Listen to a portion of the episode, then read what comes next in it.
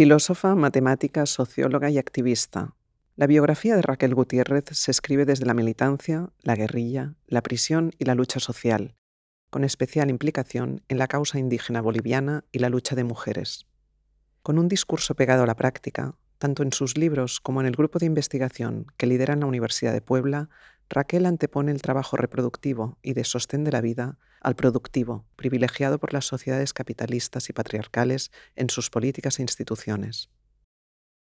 En su discurso, Raquel habla en términos de recursos hídricos, flujos, arroyos, torrentes, ríos, mareas, oleajes y humedades, analogías a través de las que diagnostica la necesidad urgente de cambio de paradigma y de una política en femenino, que trascienda radicalmente al simplismo inoperativo de la agenda de la equidad y que reconozca la producción de lo común como habilidades que deben ser cultivadas culturalmente.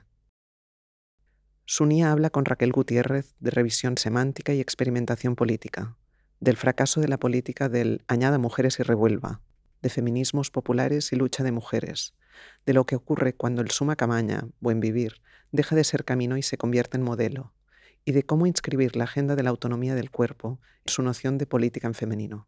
Hay como dos ideas contra las cuales yo quiero contraponer esta noción.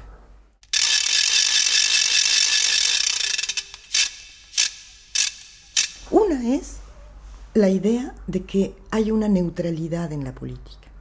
Hay una neutralidad y que es algo así como, como que es unisex. Es decir, como que los términos en los cuales se ejerce la política, sobre todo institucional, sobre todo desde el Estado, no tuviera género, ¿sí? Como que fuera abarcativa y fuera justamente el espacio de encuentro para todos los géneros que existan. Y yo creo que eso es falso. Yo creo que eso es falso, porque el tipo de labores y actividades que se despliegan desde la actividad pública estatal digamos que se injertan con formatos históricamente construidos en un largo proceso de negación del mundo de la reproducción. Es decir, así como se ha gestado un espacio aparentemente neutral de producción, y esta es una cuestión que, eh, bueno, lo vemos discutido de manera muy interesante por Silvia Federici en, en su trabajo, de esta separación entre el mundo de la producción y el mundo de la reproducción, el mundo del asunto común, el mundo del asunto colectivo, el mundo de lo político, diríamos, con otro autor sudamericano que se llama Bolívar Echeverría, que a mí me gusta mucho recuperar, el mundo de lo político, el mundo donde nos ocupamos de los asuntos generales que a todos incumben porque a todos afectan, eh, también es un espacio en el que queda negado el mundo de la reproducción. A nivel de la vida singular. Y entonces, bueno, hay cosas que se hacen, hay cosas que no pueden hacerse, hay equilibrios inestables permanentemente eh, desplegados por el conjunto de mujeres que a lo largo del siglo XX han comenzado a participar en las oficinas públicas, en el trabajo asalariado, etcétera, etcétera, ¿no? Ese por un lado, es decir, no es una política que se hace desde un lugar amable, no es un lugar neutral, así como no es un lugar neutral el lugar de los variados procesos de acumulación de capital. Bueno, entonces, ¿cómo le hacemos para tratar de plantear esta cuestión, esta cuestión en otra clave, en otra clave, en otra clave que nos mueva de claves, digamos, más más um, tradicionales de cuantificación de porcentaje de personas empleadas de género de un género de otro, de brechas salariales, etc. En otra clave, en la clave del tipo de prácticas que se gestan allí ¿ah? y de las cosas que se asumen y de las que directamente no se asumen. La otra es que trato de avanzar un pasito en la discusión, en una discusión que Acá no sé muy bien cómo pasó, acá en el Estado español.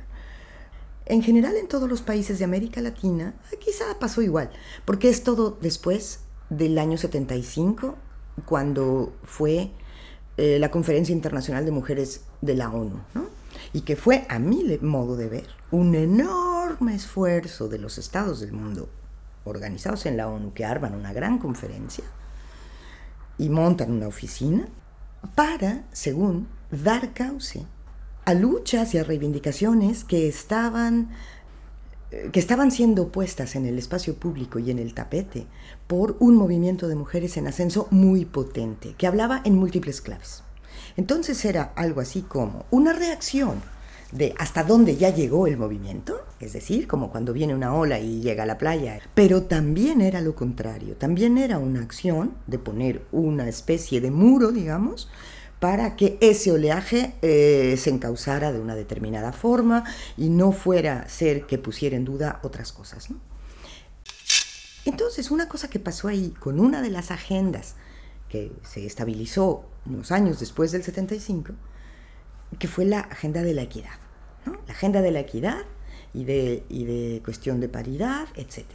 Que en nuestros países de América Latina, con una enorme cantidad de dificultades en otros planos y con un montón de luchas desplegándose, hacíamos mucha burla a esos años, digamos los ochentas, inclusive todavía los primeros noventas, que era la política de la añada Mujeres y Revuelva, ¿sí? que lo recuperan aquí autoras, por ejemplo, como Precarias a la Deriva, como, como Amaya Pérez, como Silvia Gil, mujeres que quieren entrar a una crítica más fina de lo que está pasando, ven y, analizan que este asunto de ponga usted más mujeres en una estructura de mando, pero no la altere, entonces sale lo mismo. Añada mujeres y revuelva.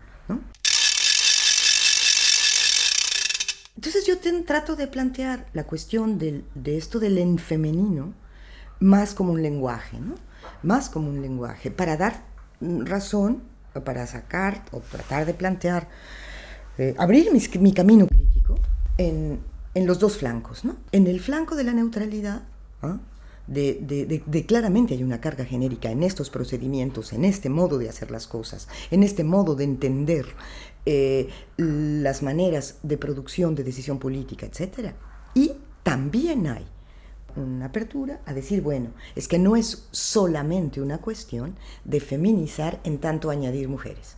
Es una cuestión de subvertir, de trastocar, de organizar de otra manera, de pensar claves que puedan, que puedan, como quiera empujarnos a que colectivamente vayamos colocando este asunto de la sostenibilidad de la vida humana y no humana en el centro de la preocupación. Y que a partir de ahí razonemos el, el conjunto de asuntos que hacen a la vida colectiva. Hacer eso, creo yo, que tiene que ver, bueno, en primera, obviamente tiene que ser una, una especie de, mm, de revisión semántica. O sea, hay determinados términos que nombran qué y, y cómo quedan nombrados desde un género, desde otro, desde una posición y desde otra. Y, y a veces, y con frecuencia, hay nombres tremendamente distintos, ¿no? Lo que puede ser un piropo, para decir un ejemplo que está muy manido, está muy trabajado y puede ser muy claro, del otro lado está siendo nombrado como una agresión, como una invasión en la esfera vital. Bueno, hay dos puntos diametralmente distintos. Hay muchos espacios donde eso pasa, ¿no? Pongo otro que es uh, muy de procedimiento.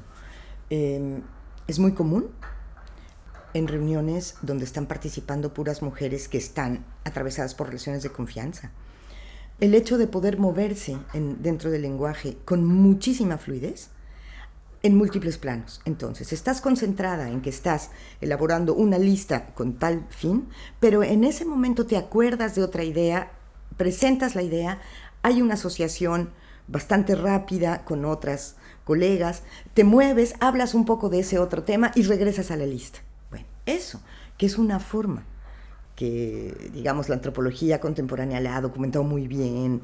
Eh, hay estudios muy serios en la literatura que pueden dar cuenta de cómo son estas prácticas de, por ejemplo, de producir acuerdo entre mujeres, que son distintas al formato punto uno, punto dos, punto tres, punto cuatro, punto cinco, eh, eh, etcétera, ¿sí? Que es un orden que, que impregna la estructura pública. Y lo más curioso es cuando en una reunión, por ejemplo, donde están participando, que está siendo conducida por mujeres, que están desplegando el conjunto de sus habilidades cognitivas eh, para tomar acuerdos, para llegar, para tratar de establecer Em, eso, términos de acuerdo.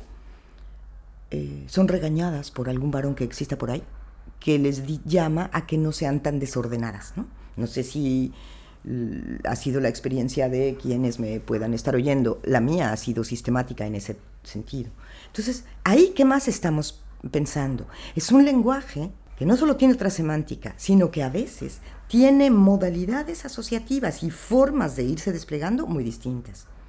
Pero quizá también tiene una gramática distinta en el modo de hablar y en el modo de establecer determinadas preocupaciones. Eh, por ejemplo, una de las cosas que, son muy inmediatamente criticadas es cuando, que es algo también bastante común, se presentan argumentos que se tratan de explicitar en términos de mantener a la vista estas dualidades no excluyentes que pues que pueblan nuestra vida cotidiana y nuestro mundo y en parte nuestro modo de pensar, pero que son reiteradamente negadas e intentadas vaciar en un molde de binarismo excluyente cuando eh, estamos en un lenguaje oficial o estamos en el lenguaje dominante, digámoslo así. Entonces, esto que, también se liga con reflexiones que están haciendo muchas, muchas colegas en, en América en general, pero no solamente, porque también en India, también en algunos lugares de África, etcétera, en lugares del mundo colonial, que tiene que ver con la experiencia de haber hablado otra lengua. ¿Qué pasa si te preguntas, ah, si nos preguntamos, colectivos amplios de mujeres, si no nos hemos visto también compelidas a ser bilingües en nuestro propio idioma, es decir, a estar una y otra vez siendo capaces de articularnos y de producir conversaciones y, de generar comunicación en un lenguaje, cuando lo hacemos básicamente con mujeres, y a traducir, a establecer, a explicar, a establecer otros términos cuando lo hacemos con varones. Eh, bueno, yo yo eso es lo, una de las cosas que he experimentado largamente en la vida. ¿no?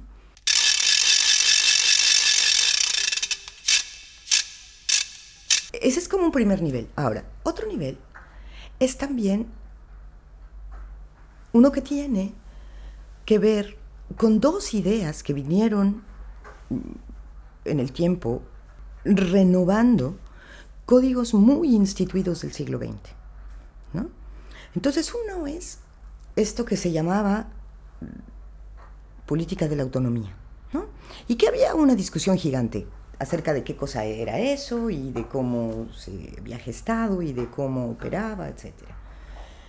Y hay un montón de versiones y yo creo que el diálogo entre estas diferentes vertientes de variantes de política de la autonomía es muy útil, ¿no?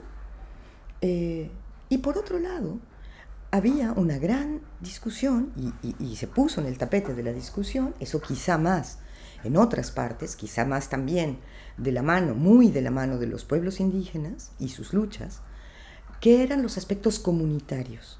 Los aspectos comunitarios leídos y entendidos en una clave muy específica, que después hemos ido refinando en un equipo donde yo trabajo en Puebla, eh, tratando de plantear que hay una especie de saber muy de fondo para la producción de lo común. Es decir, lo comunitario no como una calidad identitaria fija que de por sí está dada en cierta calidad de personas, ¿no? Sino como una habilidad cultivada culturalmente para saber establecer, para saber producir vínculos y para saber organizarse de un determinado modo que es anteponer lo que se comparte, establecer términos de usufructo de aquello que se ha de compartir y entonces desplegar em, pues, la energía vital de cada quien eh, generando tramas, generando redes que en realidad generan fuerza que capacita a todos, o sea, que habilita otras posibilidades, que las abre. Entonces a esto que se puede llamar también una política comunitaria, una política de lo común, en fin, ¿cómo está ligado con la cuestión de la autonomía? Después, entonces, había dos torrentes más que eran críticas, digamos, a formas de lo político más canónicas, a formas de lo político heredadas, pues que cargan acríticamente rasgos que no han sido puestos en entredicho, o que no fueron puestos en entredicho más bien, cuando el mundo de la política era un asunto que se dirimía básicamente entre varones. Entre varones de una clase y otra, entre varones de una nación y otra, etcétera, pero básicamente entre varones y entre varones que, tenían claramente el monopolio de la voz pública, eh, qué cosas podían decir que eran muy relevantes, pero lo que a mí me interesa mucho es qué cosas no podían decir, porque no veían. ¿ah? Entonces, tanto la política de la autonomía como la política comunitaria, creo yo que alumbran un montón de cosas, ¿no? Un montón de cosas. Sin embargo, con mucha frecuencia entraban en relaciones de competencia, porque autonomía, lastimosamente, es una noción, una de cuyas vetas históricas es una noción tremendamente moderna y fundamental en la consolidación de un tipo de masculinidad de la masculinidad moderna. Entonces a veces lo comunitario y lo autónomo entra, entra en contradicción. De ahí este desplazamiento que estoy explorando, que estamos explorando entre algunas, de decir, a ver, lo que queremos recuperar de la beta de la autonomía y lo que queremos recuperar de la beta de eh, la capacidad de producción de común y de las políticas comunitarias, en realidad son cosas que abarcan a hombres y mujeres y que lo que ponen en duda y lo que pretenden subvertir son órdenes de acumulación y de monopolización, que además niegan el orden de la reproducción y que entonces son enteramente masculino dominantes. Pues le diremos política en femenino, ¿no? Eh, sí me explico, por ahí viene eh, un poco esta, este conjunto de ideas que quedan planteadas en esta expresión, ¿no? Cuando uno necesita tantas palabras para explicar una noción, es que la noción todavía no acaba de cuajar, es que uno la va elaborando recién, es que estás tratando de nombrar cosas que están siendo experimentadas. Pero me da la impresión que es una clave buena para seguir pensando, mm, sobre todo ahora en esta revitalización de esta renovación de la ola gigante de luchas de mujeres, unas feministas, unas no feministas, pero finalmente luchas múltiples, variopintas, heterogéneas, de mujeres muy variadas y luchas muy consistentes que están dándose, que están desplegándose, y que quizá esta cuestión de ir precisando elementos de cómo estamos tratando de elaborar, eh, entender más acerca de nuestra propia manera de hacer. Eh, ¿De hacer qué? De hacer impugnación al orden, de hacer lucha. Una mayor atención a eso quizá nos pueda dar pistas también de cómo, em, pues de cómo seguir andando el camino finalmente.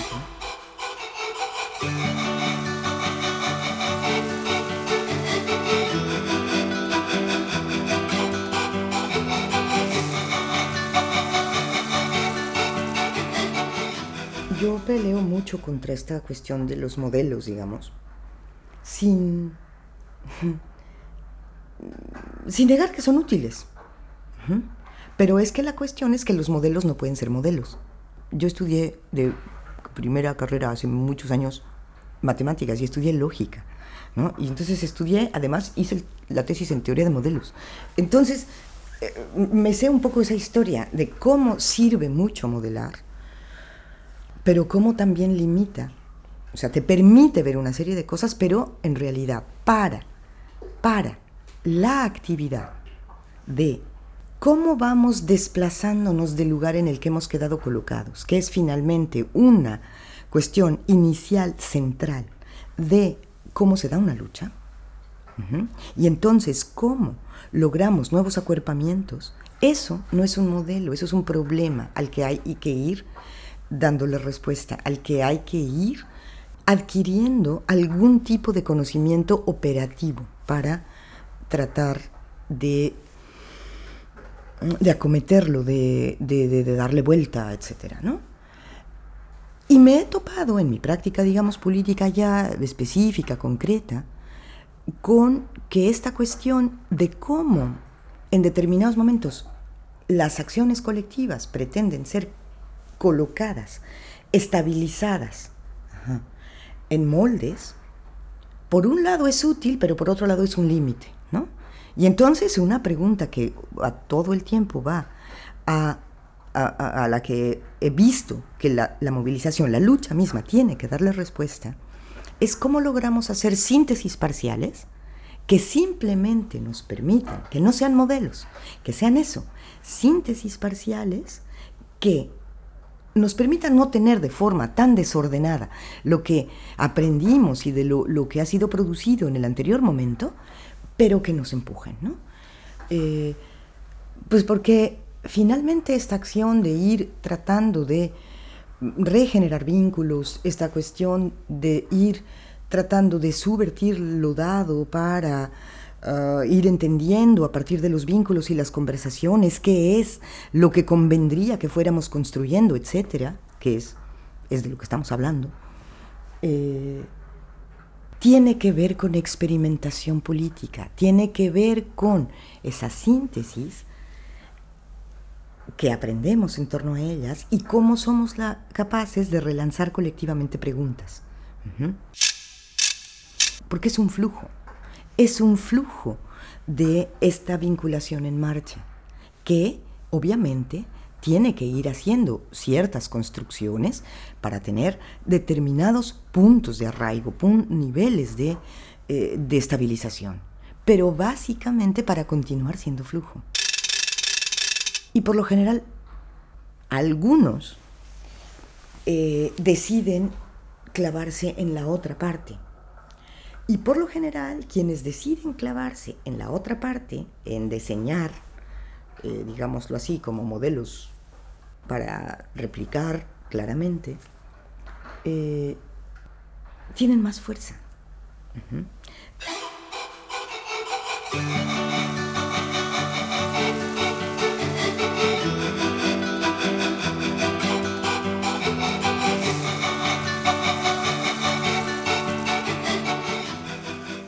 Eh, la disputa que hubo en América del Sur en torno a esa formulación que es linda y que, y que fue una de estas síntesis parciales de las que te hablo, ¿no? Cuando las grandes oleadas de levantamiento y movilización indígena en el sur de América empezaron a plantear la cuestión del buen vivir, del vivir bien, del suma camaña, etc., o del suma causa, y como se dijera en el idioma que se dijera, esa cuestión era bueno, es que tenemos una síntesis parcial que más o menos da nombre a cosas que ya hemos discutido y entonces pues vamos construyéndolas, ¿no? Entonces ahí se mantenía abierta la pregunta, ¿qué necesitamos desmontar para que florezca lo que más o menos sabemos que queremos? ¿Y qué tenemos que ir construyendo para justamente garantizar que eso sí exista? Eso es un itinerario, eso es un trayecto, eso es es una disposición colectiva a continuar resolviendo problemas. En distintos niveles, en distintos ritmos, en fin, ¿no? La otra cosa es decir, ah, muy bien, em, buen vivir, suma camaña, listo, ah, ¿esto qué es?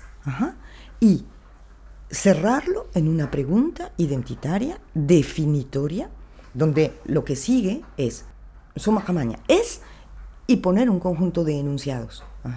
De enunciados que ya no van a fungir como síntesis parcial que es la base para un nuevo devenir, sino que van a servir para establecer a qué se tiene que parecer aquello que podamos construir. ¿ah? Y, y a veces todavía peor, porque a veces va a tratarse de construirse sobre todo un gigantesco artefacto discursivo de contención, de la replicación de lo viejo, pero con un manto de palabras renovado. Y eso es altamente confuso.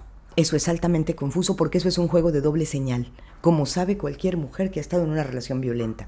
Y casi, casi, casi todas hemos atravesado a, un grado o en otro por ese lugar, por ese lugar de la disociación entre lo que está pasando y lo que se está haciendo dicho. Bueno, eso es lo que hemos visto en el caso del modelo Sumas Causai en América Latina, donde lo que está ocurriendo no condice en absoluto con lo que está siendo dicho. Y eso lo que genera en la ciudadanía, al igual que lo que genera en situaciones violentas, en la parte que es violentada, es em, parálisis, es confusión profunda, es confusión vital, es necesidad de salida, en fin, ¿no? De ahí una pelea como tan sistemática por esta cuestión de es que los modelos no nos convienen tanto, ¿no? Y que eso no tiene nada que ver con no poder transmitir la experiencia, o sea, no es caer en el hecho de que cada experiencia tenga una unicidad completa y total. Porque aquí hay otro hilo muy, muy potente de una práctica, digamos que viene del feminismo más añejo, más interesante del siglo XX, que es el feminismo que empezó a plantear la posibilidad de relanzar la lucha eh, después del momento dorado de la Segunda Guerra Mundial y cuando había un conjunto de mujeres que estaban plenamente insatisfechas, que era el grupo de autoconciencia, ¿no? Que era el grupo de autoconciencia donde qué era lo que pasaba.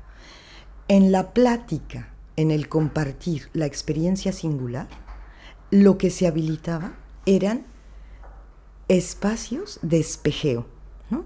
Y entonces hay algunas feministas, en particular bolivianas, que le, que le llaman a, a esa metodología feminista canónica y la recuperan diciendo, bueno, es que esto podríamos nombrarlo diálogo especular, un diálogo en espejo. Es decir, las experiencias singulares, igual que las personas singulares, pueden conversar y pueden reflejarse en lo otro sin ser iguales y pueden aprender mutuamente y a veces, a veces pueden desear coproducir algo y a veces no. A veces simplemente pueden querer nutrirse de lo que está pasando en otro lado. Eso es completamente diferente, digamos, completamente contradictorio con estos afanes de establecer formas prescriptivas de cómo han de ser las cosas. Y es un autor que no sé si ahorita esté o no muy de moda eh, aquí en la discusión del Estado español, pero es un clásico que, es muy útil de tanto en tanto ir a visitar, ¿no? Em, que es este, es Foucault diciéndonos, fíjate en la prescripción y tenle miedo, o sea, y elúdela, porque es en, en la prescripción, no en la prohibición, donde va a estar van a estar las cosas más difíciles, digamos, ¿no? Donde van a estar las... Em, pues un conjunto de peleas tremendamente hondas, digamos, ¿no? Porque en, una acción de prescripción sistemática, como la que a veces surge de estar siendo, más bien que estar pensando, estar como siendo acorralada por un modelo eh, que se presenta como todopoderoso, eso también cala. ¿no? Muchas de los esfuerzos, eh, por ejemplo, uno que conozco más o menos bien, que es el modelo de la gestión comunitaria del agua en algunos lugares de la parte alta de los Andes, en particular en Bolivia, pero no solo. Eh, es impresionante cuando llegan ciertos modelos municipalistas de gestión del agua que lo que no quieren es aceptar la diversidad de modos de solución de un problema.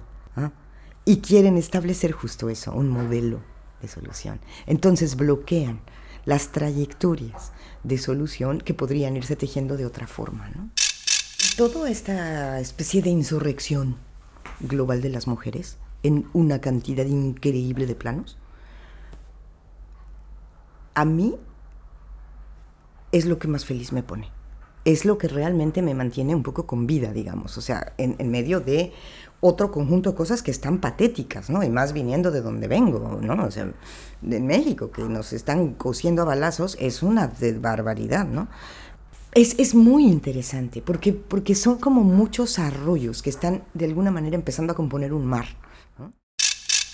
Pues es el feminismo que se ha ido renovando, que está tratando de relanzar sus cosas, que después de una fragmentación tremenda, y, que una fragmentación que ha sido útil porque cada, mm, digamos, riachuelo ha ido cultivando eh, específicamente algún tipo de punto que finalmente alumbra y ayuda, etc. Después de esta barbaridad de, de proliferación de feminismos enorme, hay también una cantidad gigantesca de mujeres, justo como tú decías, eh, que han empezado a participar en las luchas, sobre todo en luchas que tienen que, en luchas que le podríamos llamar luchas de necesidades vitales, luchas en defensa de cosas muy básicas, porque yo siento que en el actual contexto global están siendo atacados fundamentos de la vida.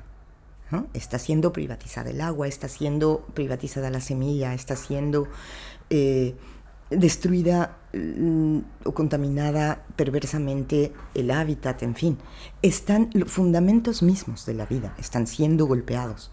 Y ahí la cuestión que ha sido muy potente es la masiva participación de mujeres, feministas y no feministas, mujeres, con sus familias, mujeres de todas las edades, en acciones de defensa de estas cosas que son sostenes materiales fundamentales de la posibilidad misma de sostener la vida. Entonces, e, eso que era, ya, era algo que ya eh, venía siendo muy detectado por, mm, no sé, por cierta sociología, que estaba siendo muy documentado, que los mismos movimientos lo hablaban, en fin, esta participación la lucha tiene rostro de mujer, la lucha contra los despojos tiene cara de mujer, las luchas en defensa de bienes naturales tienen cara de mujer, en fin. Y un nuevo momento de gran dificultad en la gestión de las relaciones de género al interior de comunidades y organizaciones mixtas por la disposición de las mujeres a generar eh, defensas radicales y a no negociar. Eh, una cosa que está recorriendo América Latina es muy interesante y te la encuentras en todos lados. Es este rollo de nosotras no negociamos. Nosotras no, no, queremos ya negociar. Y cómo muchos de los límites que se han podido poner es cuando las mujeres se sacuden de los límites que ponen sus propios compañeros, o sea, sus propios, los pares en la lucha, que están mayoritariamente estableciendo términos para negociar. Eso eso que está bastante estudiado, ha sido otro hilo potentísimo. Tanto es así que en Sudamérica sobre todo, o sea, ya había una discusión sobre un término que son feminismos populares. Y hay, la discusión es así, eh, se hablaba, es que este, esto qué es, esta insurrección de mujeres trabajadoras, campesinas, artesanas, de mercados, de barrios, de colonias populares, etc. ¿Esto qué es? Que además son mujeres que participan, que participan con una, con una belicosidad enorme, que se meten en una complejidad eh, de, acciones de subversión tremenda, porque tienen tres flancos abiertos juntos, tienen el flanco de la transnacional, el flanco del Estado y el flanco de sus pares, y, los, y dan la batalla en los tres, eh, y que dicen que no son feministas. Eh, entonces, ¿qué es esto? ¿Sí? Eh, la discusión era si hablar de feminismo popular no era una especie de abuso, si, si mejor convenía seguir planteándonos lucha de las mujeres, ¿no? Y, así decir. Entonces, estas son luchas de mujeres, unas son feministas, unas no, ¿no? Eh, y estaba, se volvía, volvía al tapete la, aquella otra súper vieja discusión de, no, es que feminismo quiere decir luchas de mujeres. Y luego y luego ya vino el otro refinamiento, que es como capturarlo en una especie de doctrina, ¿no? Y de pelearnos en términos de posturas. Pero, pero bueno, lo que sí es cierto es que son el actor más potente, al menos en América. Son, somos las que estamos logrando hacer articulaciones de lo más elásticas y de lo más, em, mm, quiero una palabra para, como repentinas. Esto sería como dos características que yo vería, ¿no? Porque son esta elasticidad de que van sumando, van sumando, van sumando y se suman unas distintas y negocian en terrenos de ambigüedad ciertas distancias. Y si no logran montar un acto central único no lo montan. Y si finalmente la parte final de una manifestación tiene que tener dos espacios porque no pudieron ponerse de acuerdo, pues lo hacen dos, pero todo el trayecto valga la relación a lo que estábamos hablando antes, las enjuntas. En fin, son formas muy diferentes de poder plantear eh, articulaciones posibles. Y esto se está viendo, al menos allá, con una fuerza loca en México desde el año 2016 en, relación a una fecha que se llamó 24 de abril, que hubo una gran movilización, nosotros decíamos, contra todas las violencias machistas, y que fue esta vuelta de no es eh, tanto ni una menos o ni una más, sino vivas nos queremos, ¿no? Eh, ha habido una seguidilla de posibilidades de acuerpamiento que mm, ahora, el 8 de marzo, hacen que en México no tuviéramos una marcha demasiado grande, pero tuviéramos una marcha en muchas ciudades, tuviéramos acciones de movilización en muchas ciudades simultáneas. En donde estas luchas están siendo realmente interesantes es en el cono sur del continente. Argentina y Uruguay en particular están teniendo una capacidad de plantarse en términos de, generar vínculos y de eh, habilitar espacios para el encuentro de diferencias que se sostienen como diferencias mientras se necesita, pero que se inhiben durante momentos de lucha, que después se van construyendo nuevos espacios para dirimirlas, en fin. Un dato que quizá no, se haya, no haya sido percibido, pero que a mí me parece que es, es como muy expresivo del momento y de la trayectoria, de este desborde, de las, de las luchas de las mujeres, de este feminismo renovado de base.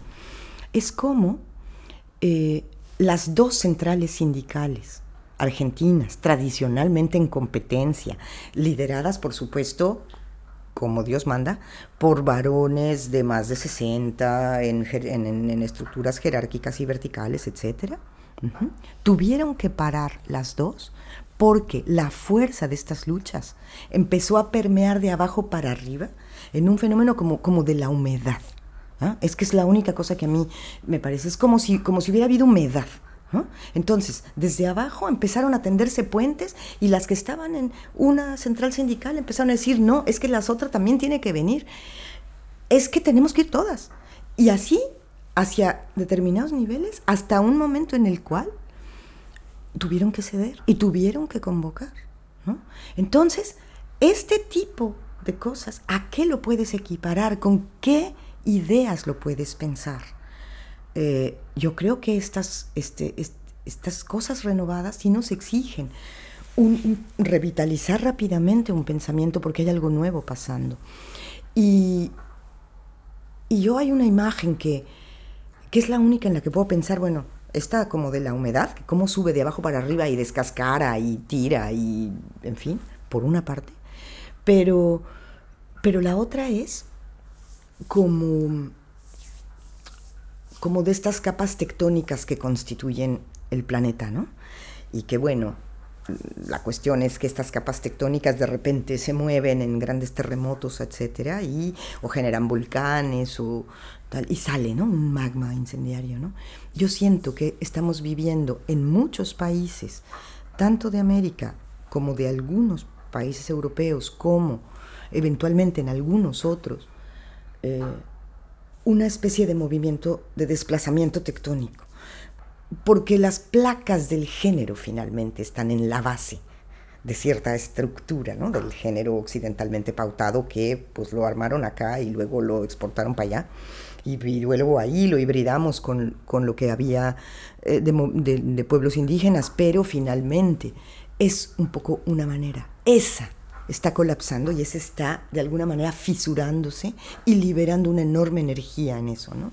Y es una energía que puede ser peligrosa, que puede ser peligrosa porque la desestabilización del género masculino está volviendo a muchos varones en agresores y a otros muchos en asesinos. Y, son los, está totalmente documentado que el conjunto de feminicidios, ¿no? El, no sé, más del 90% de los perpetradores son varones. Entonces, entonces esto es peligroso porque se empieza a generar también una especie de masa crítica de enojo de ambos lados, que es muy difícil de, de eh, pues que, que a ver qué pasa, pues. O sea, yo tengo mucha esperanza porque creo que eh, hay una especie también de, de, capacidad de autocuidado que está en esta política en femenino que creo yo que está en marcha y que esto sería también un nombre de lo que está pasando, eh, uno más de los nombres de lo que está pasando, eh, pone el asunto del autocuidado del sí mismas, del colectivo y del movimiento muy en el centro. Entonces sabe medir también, ¿no? No, no en ese sentido disloca narrativas, eh, pues más bien escritas en clave heroica, que son las que hemos de alguna manera aprendido de luchas anteriores y que a veces no nos ayudan tanto para poder pensar las claves que necesitamos hoy, ¿no? pues cada quien viene de unas vetas, ¿no? Y a mí, la pura verdad, Judith Butler no me tocó. Yo no, no he estudiado nunca feminismo. He dado mis luchas y, me, y he abrevado de lo que me iba cayendo, digamos, ¿no? Entonces, realmente es pura ignorancia. Ahora, hay dos cosas que a mí sí me parece que son relevantes y ahí sí tomo posición en el interior de la discusión. Me sirve mucho tratar de hablar de esta cuestión de dualidades, quizá en esto de hablar de femenino masculino quizá luego no, sea finalmente lo más útil, o no sea el par más afortunado, y entonces habrá que inventar otro, pues, y ya lo expresamos así. Mm, lo que yo quiero mantener es esto, el poder pensar en dualidades no, no excluyentes, ¿no? Y sí pensar en dualidades. Eh, dualidades que permitan objetivar y, señalar o, describir con precisión el lugar dominante. Eh, hace dos años estuve dando clases en una universidad en Sudáfrica, en una temporadita.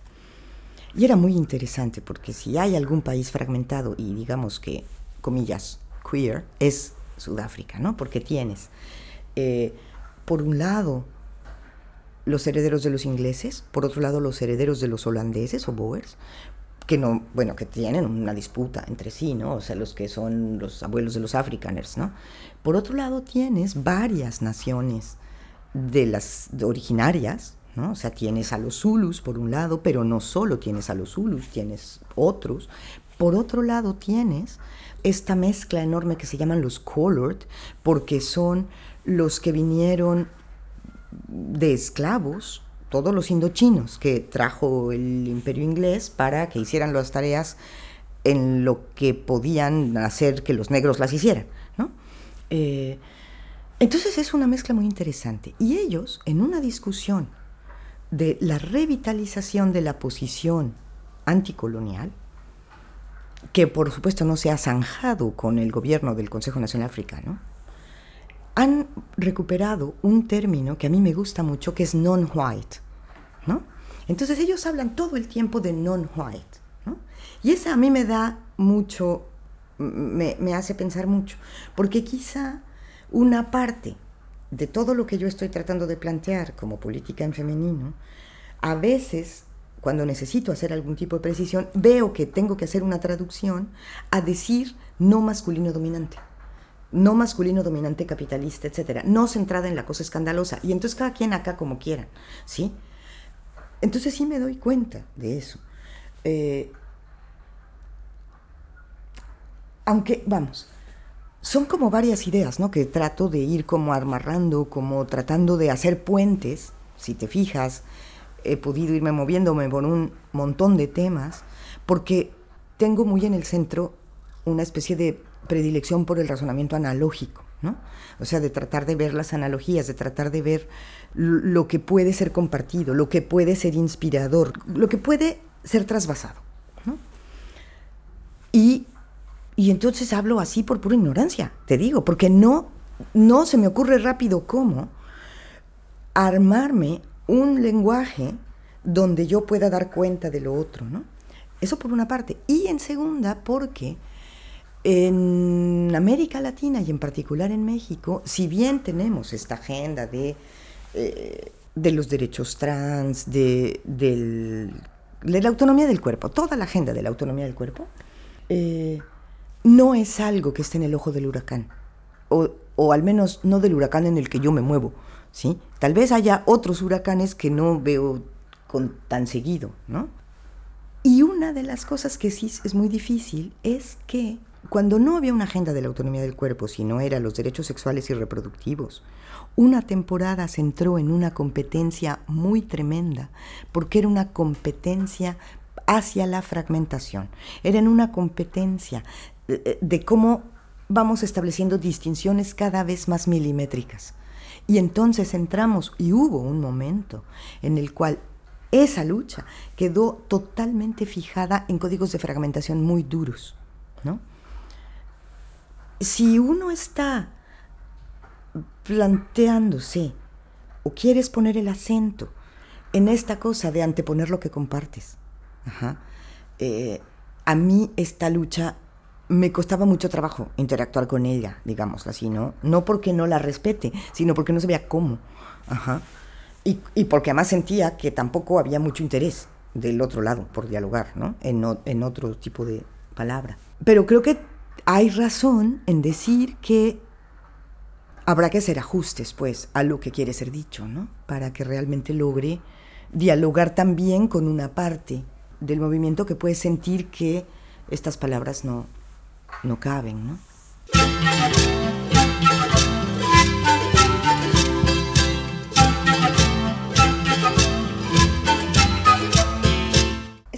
tengo un problema con esta historia del, de una cosa en la que estoy súper indigestada, pero a ver si luego ya la entiendo. Mm, que tiene que ver con una política en femenino. ¿Qué tanto no tiene que ver también con oh, intentar una desestabilización del orden simbólico patriarcal?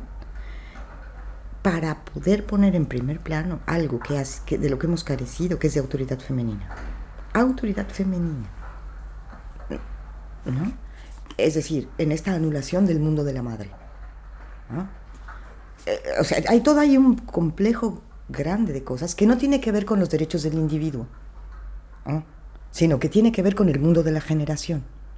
En eso no estoy totalmente segura. O sea, tendríamos que movernos en dos planos, ¿no? ¿Sí? O sea, lo non-white, o sea, lo equivalente a non-white, sirve en uno de los planos, pero en otro de los planos de la discusión, cuando también te tomas en serio esta recomendación federiciana de pon la reproducción en el centro, bueno, las cosas tienen madre, o sea, no, no nacen de gajo, más que las papas, ¿no? O sea, sí, e, entonces ahí qué onda, ¿no? E, e, todo este mundo de la crianza, todo este mundo que finalmente luego te te lleva una deriva también bien interesante de pensar los lazos de interdependencia. Entonces, por eso ahí, un poco, es que esta crítica sí me la han hecho y, digo, ¿la quito o no lo quito? Y no, no, no acabo de decidirme. Ah, porque, pero no sé cómo ligarlo. Es, ahorita que me lo preguntaste y que lo estoy hablando más, pienso, tal, tal vez lo hubiera podido llevar a esa deriva.